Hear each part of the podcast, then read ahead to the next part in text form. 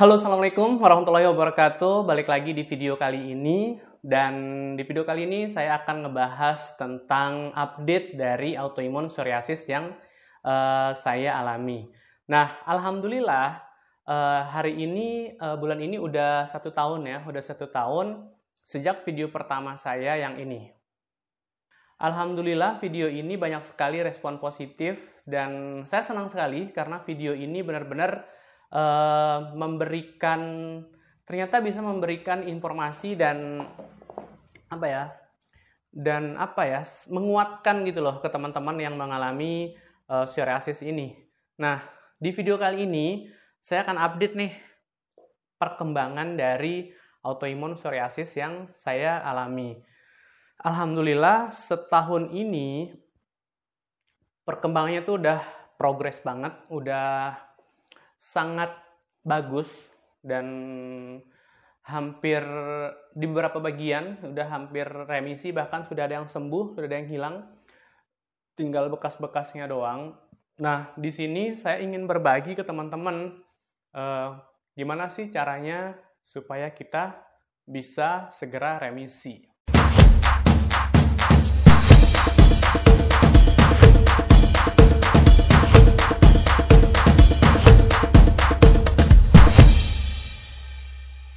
Oke, untuk mencapai remisi di autoimun ya secara keseluruhan itu agak sulit ya. Sulitnya itu bukan karena obat yang susah atau apa ya, bukan. Karena e, lebih kepada kebiasaan kita kali ya.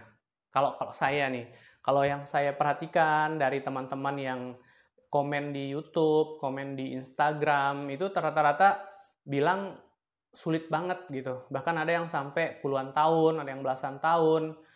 Bahkan ada yang udah dari tahun 90-an gitu, masih ada sampai sekarang yang belum-belum sembuh gitu. Ya karena memang kabar buruknya teman-teman yang harus teman-teman terima ya yang harus kita terima adalah bahwa autoimun itu tidak sembuh gitu, tidak sembuh sepenuhnya. Jadi dia akan menghilang atau biasa kita sebut remisi tapi nanti pada suatu hari ketika ke-trigger lagi dengan misalnya kita stres, kemudian kita makan makanan pemicu berlebihan, nah itu akan e, muncul lagi tuh biasanya. Di video kali ini saya ingin menginformasikan kepada teman-teman apa aja sih yang udah saya lakukan hingga hari ini. Oke, jadi e, awal-awalnya sama seperti teman-teman yang lain, mungkin teman-teman yang lain juga merasakan ketika kita pertama kali tahu bahwa kita kena autoimun psoriasis, awalnya tuh pasti panik, kemudian nyari tahu udah pasti, dan ketika kita tahu eh, seperti apa psoriasis itu, itu udah langsung nyerang mental. Itu langsung nyerang mental, kita biasanya langsung down, kemudian ya begitulah gitu, hampir hampir hampir putus asa gitu tapi yang namanya penyakit ya, kalau kita mau putus asa juga dia akan tetap ada gitu loh. Jadi mau nggak mau ya udah kita harus fight, kita harus tetap uh, berjuang gitu. Karena kalau kita bilang ya udahlah gitu, nggak usah nggak usah diurus, ntar juga sembuh sendiri nggak bisa. Autoimun tuh nggak bisa seperti itu gitu. Semakin kita cuek, itu semakin akan memburuk keadaan kita. Jadi mau nggak mau kita harus melakukan sesuatu Nah, yang dilakukan itu apa gitu? Kalau saya, saya langsung nyari tahu penyebabnya, kemudian penyebabnya secara detail. Jadi nyari tahunya itu bukan cuman dari apa ya informasi-informasi yang beredar lokal di internet, tapi juga uh, nyari di di YouTube, di Instagram, di TikTok ada kok yang ngebahas ini gitu dari Amerika, dari Australia, bahkan dari India juga ada gitu. Nah, informasi-informasi dari sana itu yang uh, yang saya ambil gitu, yang saya pilih sebagai uh, pegangan saya untuk oh jadi ini nih bekal saya untuk berjuang melawan ini gitu. Karena kalau dari apa namanya informasi yang ada di Indonesia itu masih terbatas, itu sebatas di kulit doang gitu loh. Ini penyakit kulit udah gitu. Belum terlalu banyak yang membahas bahwa autoimun psoriasis itu adalah berawal dari dalam tubuh kita gitu. spesifiknya ada di usus kita. Jadi usus kita itu mengalami kebocoran leaky gut seperti yang sudah dijelaskan di video sebelumnya. Kemudian dia menjadi eh, apa ya kayak toksin gitu ya, apa racun lah gitu yang masuk ke pembuluh darah kita, kemudian keluar di kulit, jadi psoriasis gitu dan lain sebagainya hingga jadinya ada autoimun autoimun yang lain seperti itu sih pemahaman saya yang saya ambil gitu, yang saya terima informasinya dari berbagai sumber itu. Nah berawal dari situ saya mulai um, reka-reka nih. Terus setelah itu ngapain gitu? Ya udah setelah tahu informasi bahwa e, ini berawal dari dalam. Nah dari itu sendiri kok bisa gitu? Berarti kan ada yang salah nih dari pola hidup kita gitu dan pola makan kita gitu. Dan ternyata memang benar yang pertama itu yang salah apa yang kita makan biasanya kita berlebihan makan, kebanyakan makan gluten, kemudian uh, ya ada peran antibiotik juga yang sering kita konsumsi kalau lagi sakit, dikit-dikit sakit antibiotik gitu. Kemudian yang paling besar pengaruhnya adalah pikiran kita. Jadi stres itu uh, kayak menyumbang sampai 50% deh untuk psoriasis ini. Selebihnya uh, ke makanan, ke hal-hal yang lain gitu. Karena uh, setahu saya banyak orang kok yang makan gluten, yang makan segala macam, tapi tetap nggak kena autoimun dan still have fun gitu. Nah karena itulah saya berkesimpulan ya uh, sebagai seorang yang mencari informasi dan ini yang saya dapat gitu ya. Terserah teman-teman mau uh, apa percaya atau tidak, itu mau mengikuti atau tidak gitu. Yang jelas ini yang saya jalanin. Akhirnya setelah itu saya mulai uh, memperbaiki hal-hal yang tadi saya anggap sebagai penyebab. Yang pertama di pikiran. Jadi memang uh, di pikiran itu apa ya? Apa yang kita pikirkan? Maksudnya ketika kita berpikir berat gitu ya, sedih, kemudian stres itu nggak tahu gimana caranya itu akan berpengaruh ke usus gitu akan berpengaruh ke usus. Karena ada yang bilang bahwa uh, usus itu adalah otak kedua manusia. Jadi masuk akal kalau kita banyak pikiran yang jadi kena imbasnya itu adalah pencernaan kita gitu. Ada yang mah ada yang GERD segala macem gitu ya. Kemudian ada yang autoimun. Nah mulai dari sini kita tahu dong harus ngapain gitu jadi kalau teman-teman punya beban pikiran, punya masalah, punya segala macam. Mudah-mudahan segera bisa diselesaikan. Saran saya, ikhlaskan. Jadi, cara saya untuk melawan beban pikiran yang banyak, stres yang banyak itu adalah dengan berusaha untuk ikhlas. Memang ikhlas itu nggak gampang gitu, tapi uh, kita bisa belajar sih. Kita bisa belajar pelan-pelan tahap demi tahap dengan berpikir bahwa uh, tidak semua hal yang terjadi di dunia ini harus sesuai dengan rencana kita. Kemudian kita nggak apa-apa kok kalau kita nggak baik-baik aja gitu. Dan satu lagi uh, ketika kita punya masalah berarti uh, kita masih hidup gitu loh level hidup kita tuh insya Allah akan dinaikkan gitu. Kita akan lebih dewasa setelah itu gitu. Cuman yang paling harus kalian uh, lakukan adalah memiliki satu orang dekat gitu loh yang teman-teman bisa untuk sharing. Jadi apa pun beban pikiran teman-teman, kalian harus cerita. Jangan dipendam sendiri, jangan mendam lah intinya. Pokoknya cerita ke orang-orang yang terdekat kalian uh, sampai lega lah Pokoknya intinya harus ikhlas, harus bisa untuk berdamai dengan diri sendiri. Itu yang paling penting. Dan dari beberapa banyak teman yang komen di Instagram, di YouTube, di mana-mana itu e, mereka rata-rata paling susah tuh bang di pikiran nih katanya gitu. Padahal mereka sudah treatment segala macam, sudah minum obat sana sini, udah pakai terapi sana sini, tapi pikirannya masih belum bisa dikendalikan, masih sering galau, overthinking, sedih segala macam seperti itu yang bikin mereka jadi nggak nggak nggak nggak membaik gitu loh. Jadi sekali lagi teman-teman uh, mungkin mulai sekarang bisa untuk lebih berdamai dengan diri sendiri, menerima diri bahwa it's okay gitu. Kedua, makanan. Nah, makanan ini bagi beberapa orang adalah ujian yang paling berat sih. Karena memang beberapa orang itu ada yang doyan makan gitu kan. Salah satunya saya.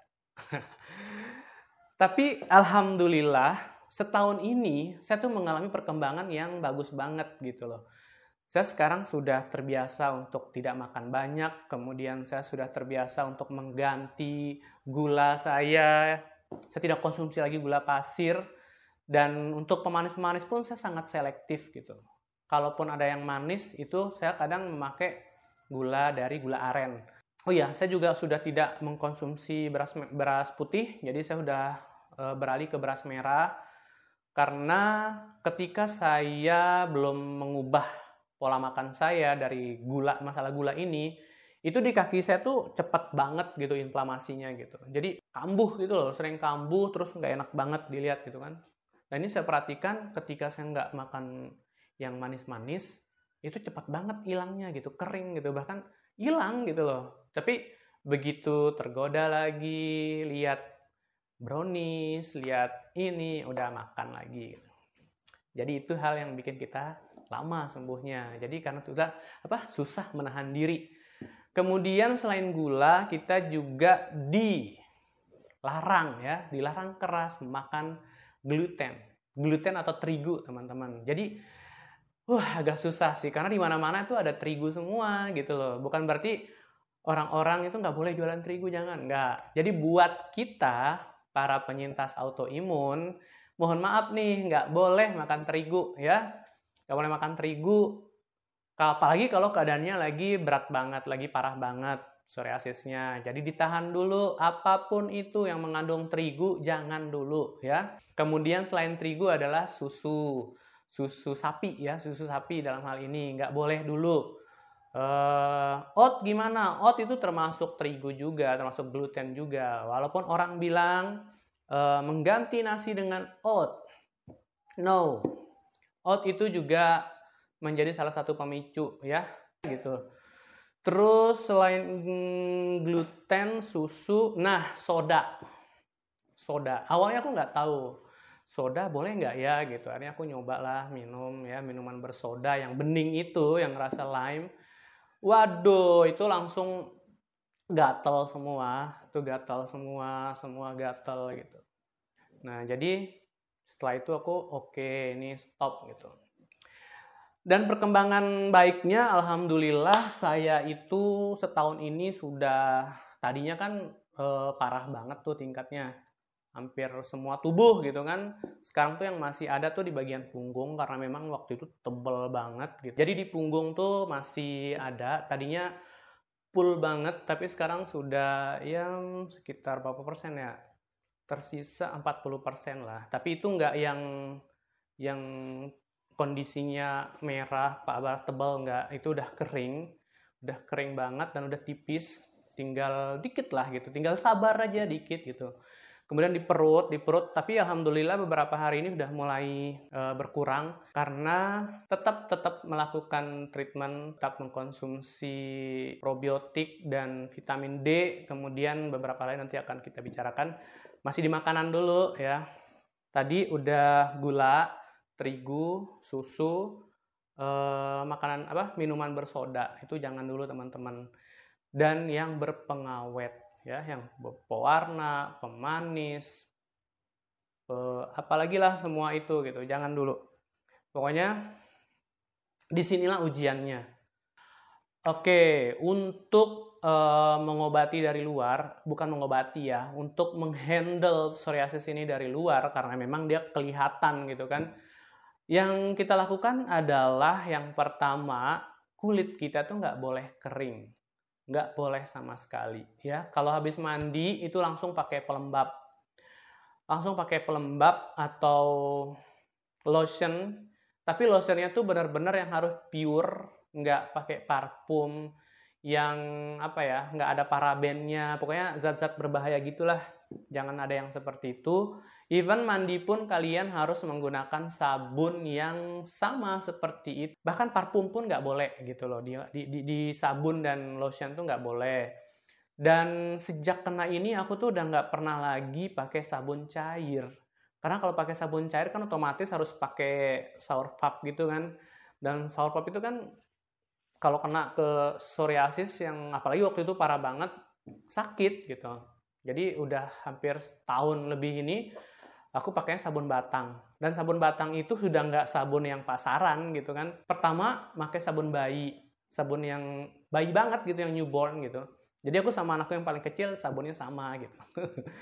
Terus um, sabunnya selain itu bisa memakai sabun yang handmade. Jadi kita bikin sabun misalnya dari kunyit, sabun kunyit, sabun kelor, sabun jahe, eh, jahe sereh gitu. Nah, aku pakainya tuh sekarang tuh sabun yang mengandung sereh itu gitu. Terus waktu itu juga pernah pakai eh, yang merek Cetaphil sih waktu itu. Cuman Cetaphil tuh mahal dan kita makainya nggak sehari dua hari gitu loh. Jadi di sini tempatnya beratnya jadi penyintas psoriasis itu oke okay, awal kita bisa beli gitu yang mahal-mahal yang bagus-bagus gitu kan. Tapi kita nggak tahu sampai kapan gitu. Sampai kapan akan memakai itu dan otomatis kita juga harus apa ya menerima kenyataan bahwa nggak selamanya kita bisa mentreatment diri kita dengan barang-barang apa perawatan-perawatan yang mahal itu. Kita juga harus nyari uh, yang baik tapi juga nggak mahal gitu loh. Karena kebayang nggak kalau misalnya kayak teman-teman ada yang udah puluhan tahun dan harus menggunakan seperti itu itu budgetnya tuh berapa gitu kan Nah ini salah satu tips juga buat teman-teman biar lebih hemat gitu kan. Untuk uh, mentreatment psoriasisnya. Yang pertama uh, itu tadi sabun. Kita pakai sabun yang handmade itu nggak mahal kok gitu. Bisa dicari di mana-mana. Atau kalian bisa beli di Sweet Diva ada tuh di toko kita di bawah. Selain sabun, lotion, nah ini lotion. Aku pakai lotion ini. Ada dari Vaseline. Ini yang intensive care yang advanced strength jadi ini uh, bisa merestore very dry skin in 5 days. Jadi teman-teman uh, aku pakai ini karena ini nggak mahal ya. Untuk ukuran psoriasis ini nggak mahal dan ini bisa dipakai sampai berapa lama ya aku pakai ini ya? Ada mungkin kali ya satu bulan gitu untuk pakai. Apalagi kalau teman-teman yang nggak seluruh badan ya bisa lebih lama lagi gitu. Kemudian selain itu aku pakainya ini. Nah ini kemarin dapat rekomendasi dari si Audi sih. Ini Nivea, Nivea Mix Me. Ini yang soft ya, yang soft ini adalah krim pelembab. Ini baru-baru sih aku pakai dan ini emang bagus untuk uh, kulit kering, psoriasis gitu. Jadi lembabnya tuh bisa tahan lama banget kalau aku mandi pagi pakai ini itu bisa bertahan sampai malam. Jadi pas mau tidur baru pakai lagi gitu. Jadi apa namanya cukup efisien lah nggak bolak-balik pakai bolak-balik pakai gitu.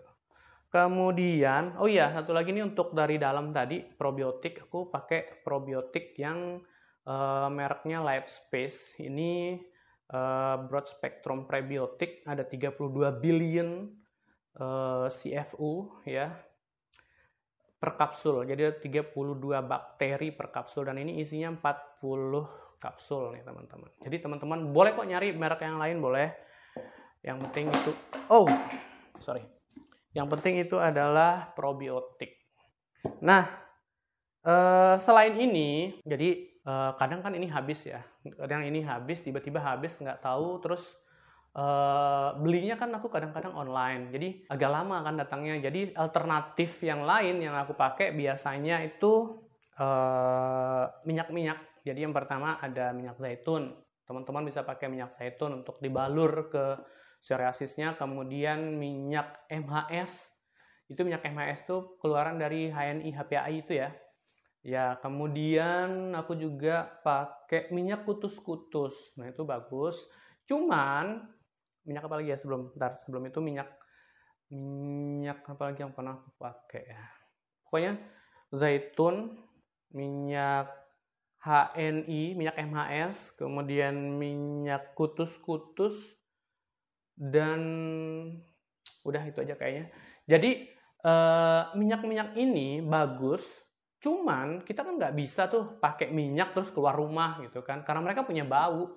Jadi kayak minyak kutus-kutus itu yang bagus banget, tapi kita nggak mungkin lah pergi kerja terus olesin minyak kutus-kutus gitu kan, baunya kayak apa nanti gitu di tempat kerja atau di jalan. Kemudian MHS juga baunya lebih kurang sama dan yang agak aman baunya itu adalah minyak uh, zaitun yang tidak terlalu berbau. Oh iya satu lagi, minyak VCO. Nah, VCO ini paling bagus juga. Jadi lebih murah juga teman-teman kalau mau pakai VCO. Jadi pakai malam sebelum tidur olesin dulu VCO seluruh badan ya yang kena psoriasis gitu. Dan aku juga minyak-minyak ini uh, zaitun ini pakai di kepala. Alhamdulillah sekarang kepalanya sudah sehat seperti sedia kala. Teman-teman bisa lihat dulu seperti ini. Ngeri nggak? Iya, ngeri banget gitu. Jadi sekarang alhamdulillah rambutnya udah tumbuh dengan baik dan overall secara keseluruhan alhamdulillah saya malah merasa lebih sehat sekarang gitu loh. Dulu tuh saya tuh gemuk banget terus mukanya tuh jelek banget gitu. terus iya dulu tuh kayak tembem kayak hitam gitu. Terus uh, pokoknya sekarang tuh merasa sehat secara holistik gitu. Secara keseluruhan gitu dari uh, pikiran, dari batin juga lebih tenang gitu. Karena mau nggak mau kita harus belajar gimana sih ikhlas tuh kayak gimana sih, menerima itu kayak gimana sih, memberikan insight gimana sih self development, gimana sih membangun kepercayaan diri, menerima diri itu yang paling penting. Jadi ketika kita sudah menerima diri kita tuh rasanya kayak ada beban yang hilang gitu loh. Ada beban yang lepas gitu, lega banget gitu. Jadi kita tuh gampang memaafkan, kemudian kita jadi bisa berdamai dengan diri sendiri, dengan orang lain, dengan keadaan. Dan ajaibnya setelah kita melakukan itu, kemudahan-kemudahan itu kayak datang sendiri gitu. Selalu saja ada uh, solusi gitu loh. Alhamdulillah seperti itu.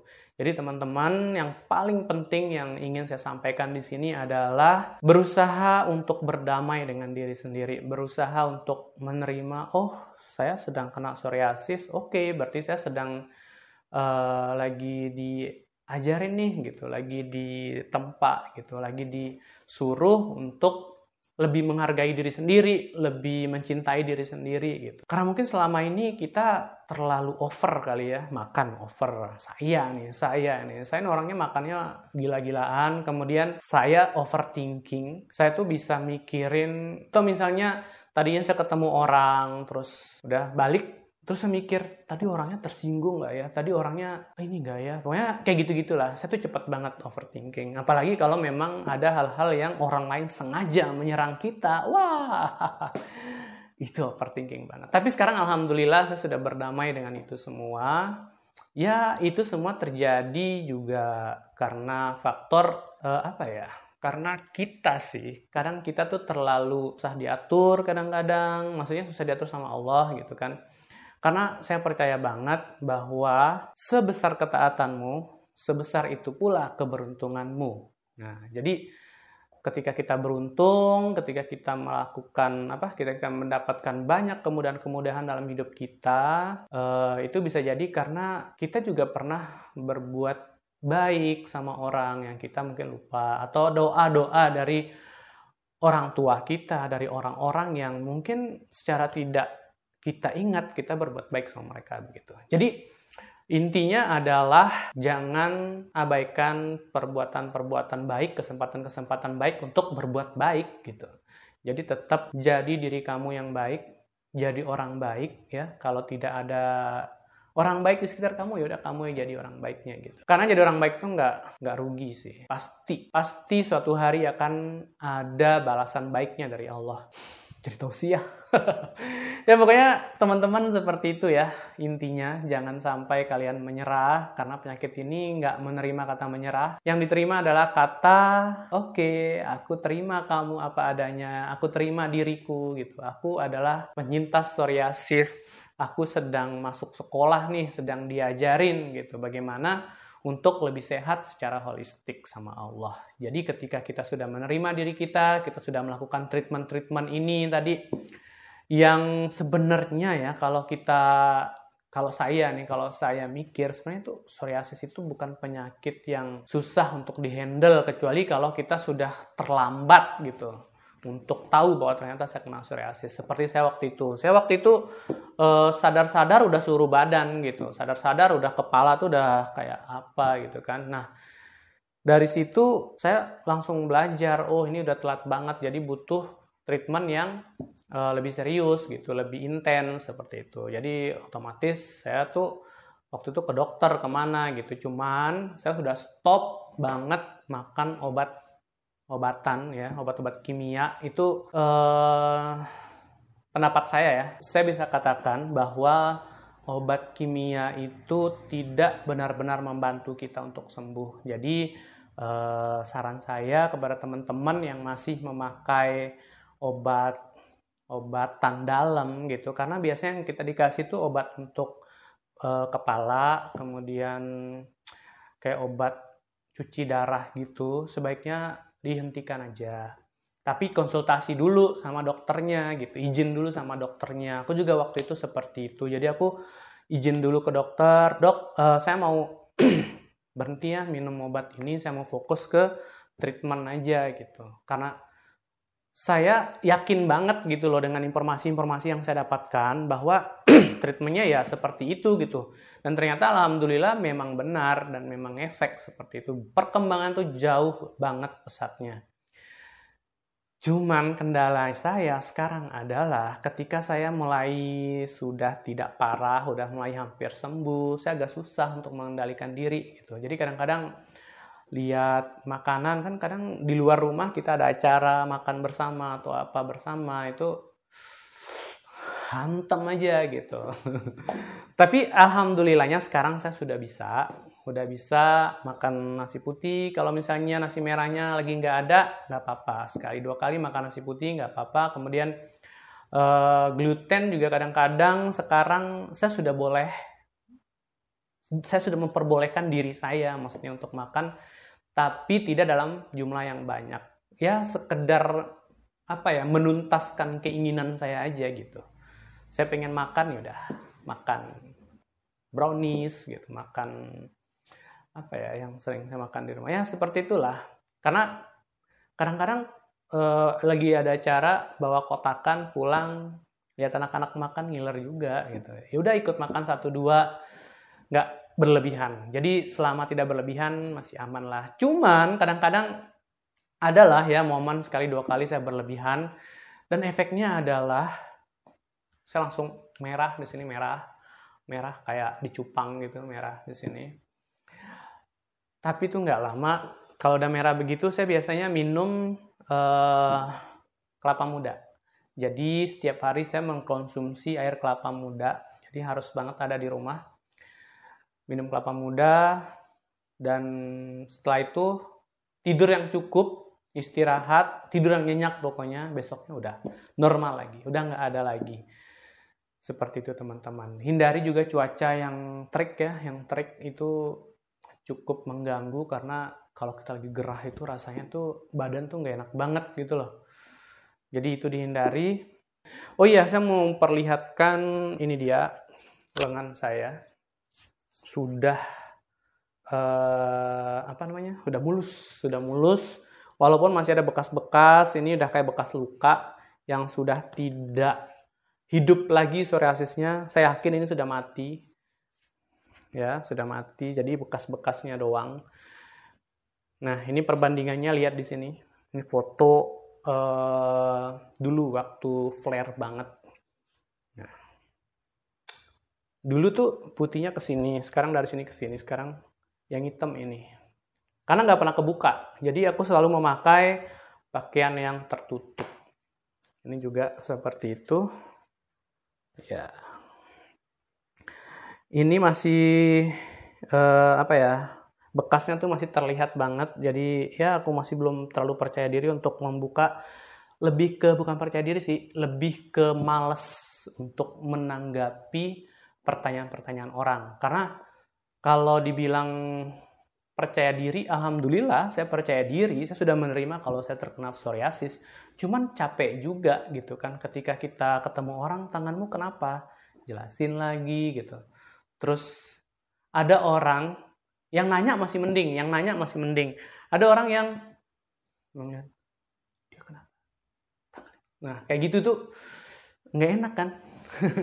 jadi mending ditanyain gitu. Jadi kita bisa jelasin gitu daripada diliatin terus kayak kita aneh banget gitu, kayak kita semenyedihkan itu gitu. Mending ditanyain aja gitu kan. Tapi uh, saya memilih untuk tetap memakai pakaian tertutup kecuali kalau di rumah, di rumah ya udah buka aja gitu. Pakai celana pendek, pakai baju yang lengan pendek juga karena gerah sih kalau terus-terusan pakai yang panjang gitu kan. Cuman positifnya kulit kita jadi jadi putih gitu teman-teman. Jadi kulitku sama kulit istriku tuh udah lebih putihan aku gitu. Teman-temanku di tempat kerja juga pas lihat itu kulitnya gitu. Iya, gue kok bisa putih gitu? Ya iyalah orang nggak pernah kena matahari juga, terus tiap hari pakai pelembab dan lotion gitu kan. Ya, itu dia teman-teman uh, sharing kita hari ini. Uh, saya berharap mudah-mudahan video ini memberikan manfaat buat teman-teman semua, terutama buat teman-teman yang masih insecure sama dirinya sendiri ya, insecure karena masih uh, apa sama psoriasisnya, lingkungan belum menerima segala macam gitu. Udah nggak usah dipikirin. Kita nggak butuh penerimaan mereka. Mereka mau menerima apa enggak, terserah. Yang penting kita sudah menerima diri kita sendiri. Ya dimaklumin aja lah gitu kan. Kalau orang-orang yang bilang, kamu kenapa? Ya udah maklumin, mereka nggak ngerti gitu. Jangan ke-trigger lah pada intinya. Karena kita nggak bisa mengubah orang lain, kita nggak bisa mengatur komentar orang lain, tapi kita bisa mengatur bagaimana penerimaan diri kita.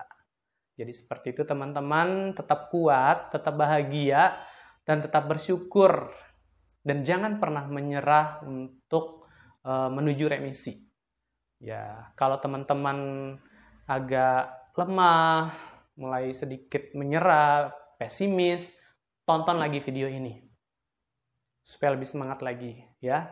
Karena apa ya? Kita tuh butuh butuh teman gitu loh, butuh teman yang bisa saling menguatkan gitu loh. Bukan yang teman yang yang apa ya kayak teman senasib sesama-sama saling ngeluh itu itu enggak enggak kayak gitu gitu. Mencari teman yang kayak misalnya pertama kali aku nyari komunitas psoriasis di Facebook. Ketemu satu komunitas. Yang ada aku malah down malah apa ya psikosomatis gitu loh. Ngelihat orang-orang yang share penyakitnya gitu yang share saya ini saya ini. Aduh aku nggak kuat tuh langsung keluar dari grup itu karena yang kita butuhkan adalah yang seperti ini. Kita saling menguatkan, kita saling memberikan masukan, saling memberikan solusi seperti itu. Kita sudah tahu keadaan kita seperti apa, kita sudah tahu keadaan teman kita seperti apa yang kena autoimun dan psoriasis. Yang kita harus tahu saat ini adalah gimana caranya kita saling menguatkan. Gimana caranya supaya kita bisa eh, bangkit sama-sama nih, bisa ngajak teman kita untuk lebih optimis, lebih semangat dan lebih sehat lagi. Seperti itu teman-teman. Terima kasih sudah menonton video ini.